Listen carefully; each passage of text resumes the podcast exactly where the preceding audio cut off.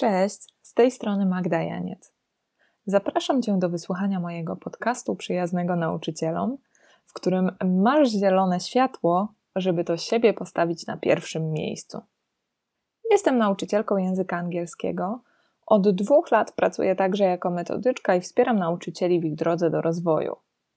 W dzisiejszym odcinku nakreślę Ci, czego możesz się spodziewać słuchając tej serii, a także opowiem Ci, dlaczego moim zdaniem zmiana myślenia o sobie jako nauczycielce jest kluczowa w prowadzeniu życia w zgodzie ze sobą. Zaczyna się rok szkolny, a ja bardzo bym nie chciała, żebyś znów wpadła w tryb przetrwania. Od weekendu do weekendu, czekając na święta, ferie, wakacje – czy nie wydaje ci się, że pracując jesteś ciągle wyczerpana i zmęczona?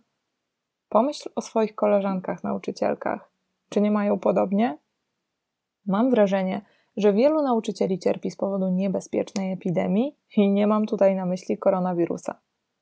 Pojawia się niepisana zasada, według której nie możesz być dobrą nauczycielką, dopóki nie jesteś przemęczona i maksymalnie zaangażowana, dopóki twoje lekcje nie buchają kreatywnością. Sama przez długi czas byłam ofiarą tego przeświadczenia.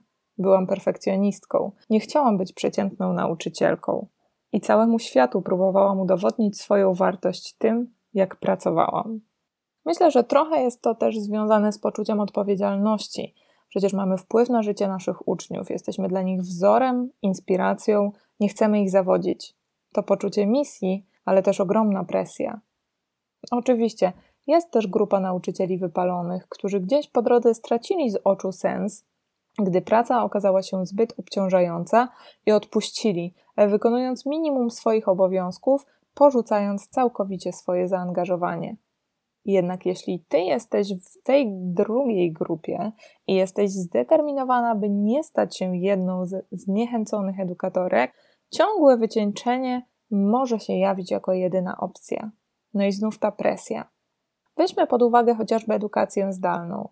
Ilu z nas zaangażowało się na 100%, często kosztem swojej rodziny i swojego dobrostanu, nie chcąc zawieść swoich uczniów, spędzając całe dnie przed ekranem, udowadniając, że nie wpasowujemy się w obraz leniwego nauczyciela, który pracuje znacznie krócej niż reszta społeczeństwa. Kiedy Twoje umiejętności oceniane są przez pryzmat wyników i osiągnięć Twoich uczniów, uzupełnionych dokumentów, przygotowanych materiałów i kolejnych szkoleniach do kolekcji, oczywiście po godzinach, i indywidualnym podejściu do każdego ucznia, łatwo jest zapomnieć o sobie i uwierzyć, że nieustanne wyczerpanie jest wpisane w zawód, który sobie wybrałaś. Robisz co możesz, żeby spełnić wszystkie wymagania, a te jakby nie miały końca a przecież zawsze mogłaś zrobić coś lepiej. Bardzo lubię cytat e, psychoterapeuty Davida Bernsa, który w swojej krytyce perfekcjonizmu pisze: Perfekcjonizm to największa iluzja, jaką sobie stworzył człowiek. We wszechświecie po prostu nie istnieje. Nie ma perfekcji.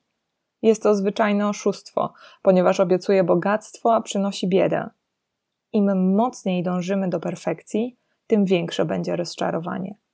To tylko abstrakcja, pojęcie, konstrukt myślowy, nie mający odzwierciedlenia w rzeczywistości. Wszystko da się poprawić, jeśli przyjrzymy się temu z bliska i krytycznie.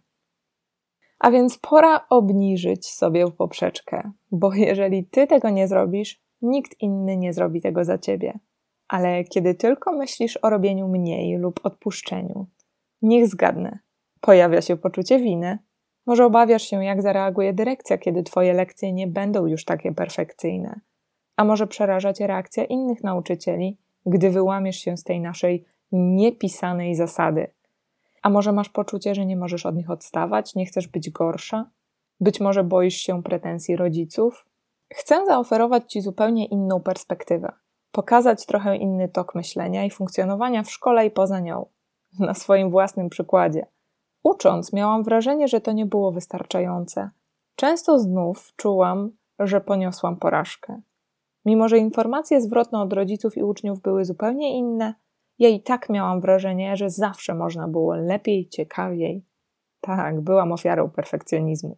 Wtedy pomyślałam, że być może gdy zmienię pracę, zajmę inne stanowisko, będzie lepiej.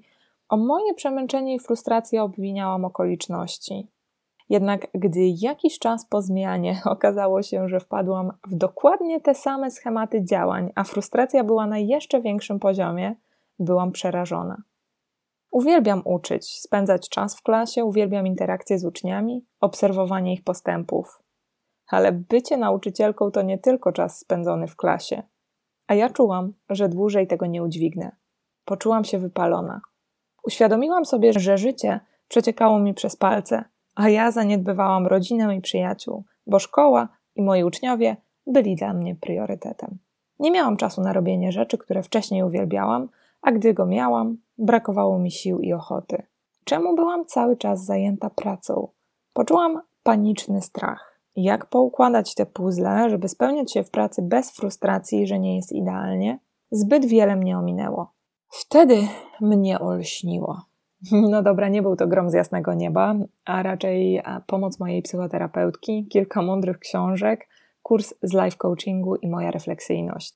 Te wszystkie elementy pozwoliły mi dopasować puzzle i zrozumieć, że to nie do końca praca, a raczej moje podejście do niej sprawiło, że byłam wyczerpana i pozwalałam na umieszczanie siebie i swoich potrzeb gdzieś na końcu listy. To nie okoliczności musiały się zmienić, tylko moje myślenie. Moje nawyki i ścieżki myślowe tak bardzo zakorzeniły się w moim życiu, że sprawiły, iż byłam osobą, którą nigdy nie chciałam być. Nie zdawałam sobie z tego sprawy, jak bardzo moje myśli i nawyki miały wpływ na to, jak wyglądała moja codzienność, której w tamtym czasie nie lubiłam, a za którą winiłam okoliczności. Nie potrafiłam przyjąć odpowiedzialności za zmianę.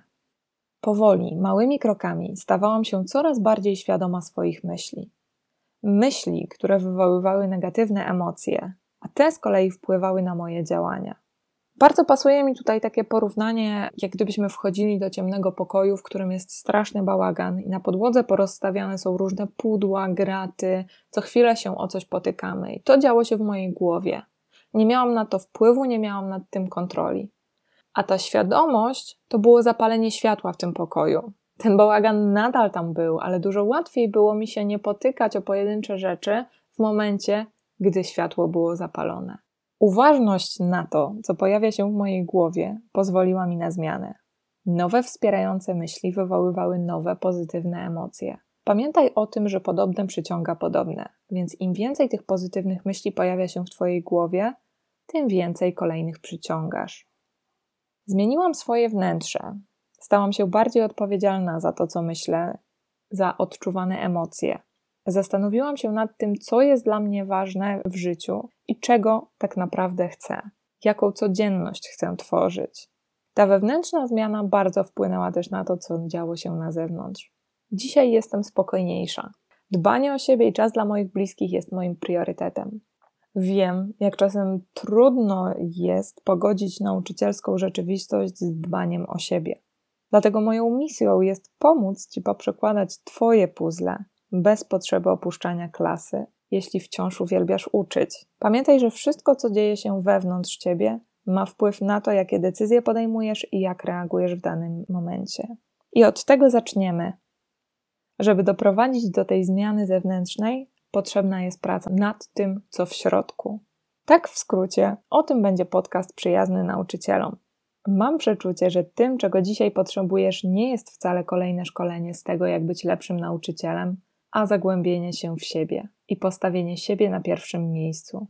Korzystasz na tym nie tylko ty i twoi bliscy, ale także twoi uczniowie, bo jedynie szczęśliwy nauczyciel jest w stanie rozbudzić entuzjazm w sercach uczniów. Wspólnie będziemy przebywać tę drogę, bo ja również jestem w procesie i każdego dnia poznaję siebie lepiej, widzę, co sprawdza się w tej podróży. Dziękuję Ci za wysłuchanie tego odcinka.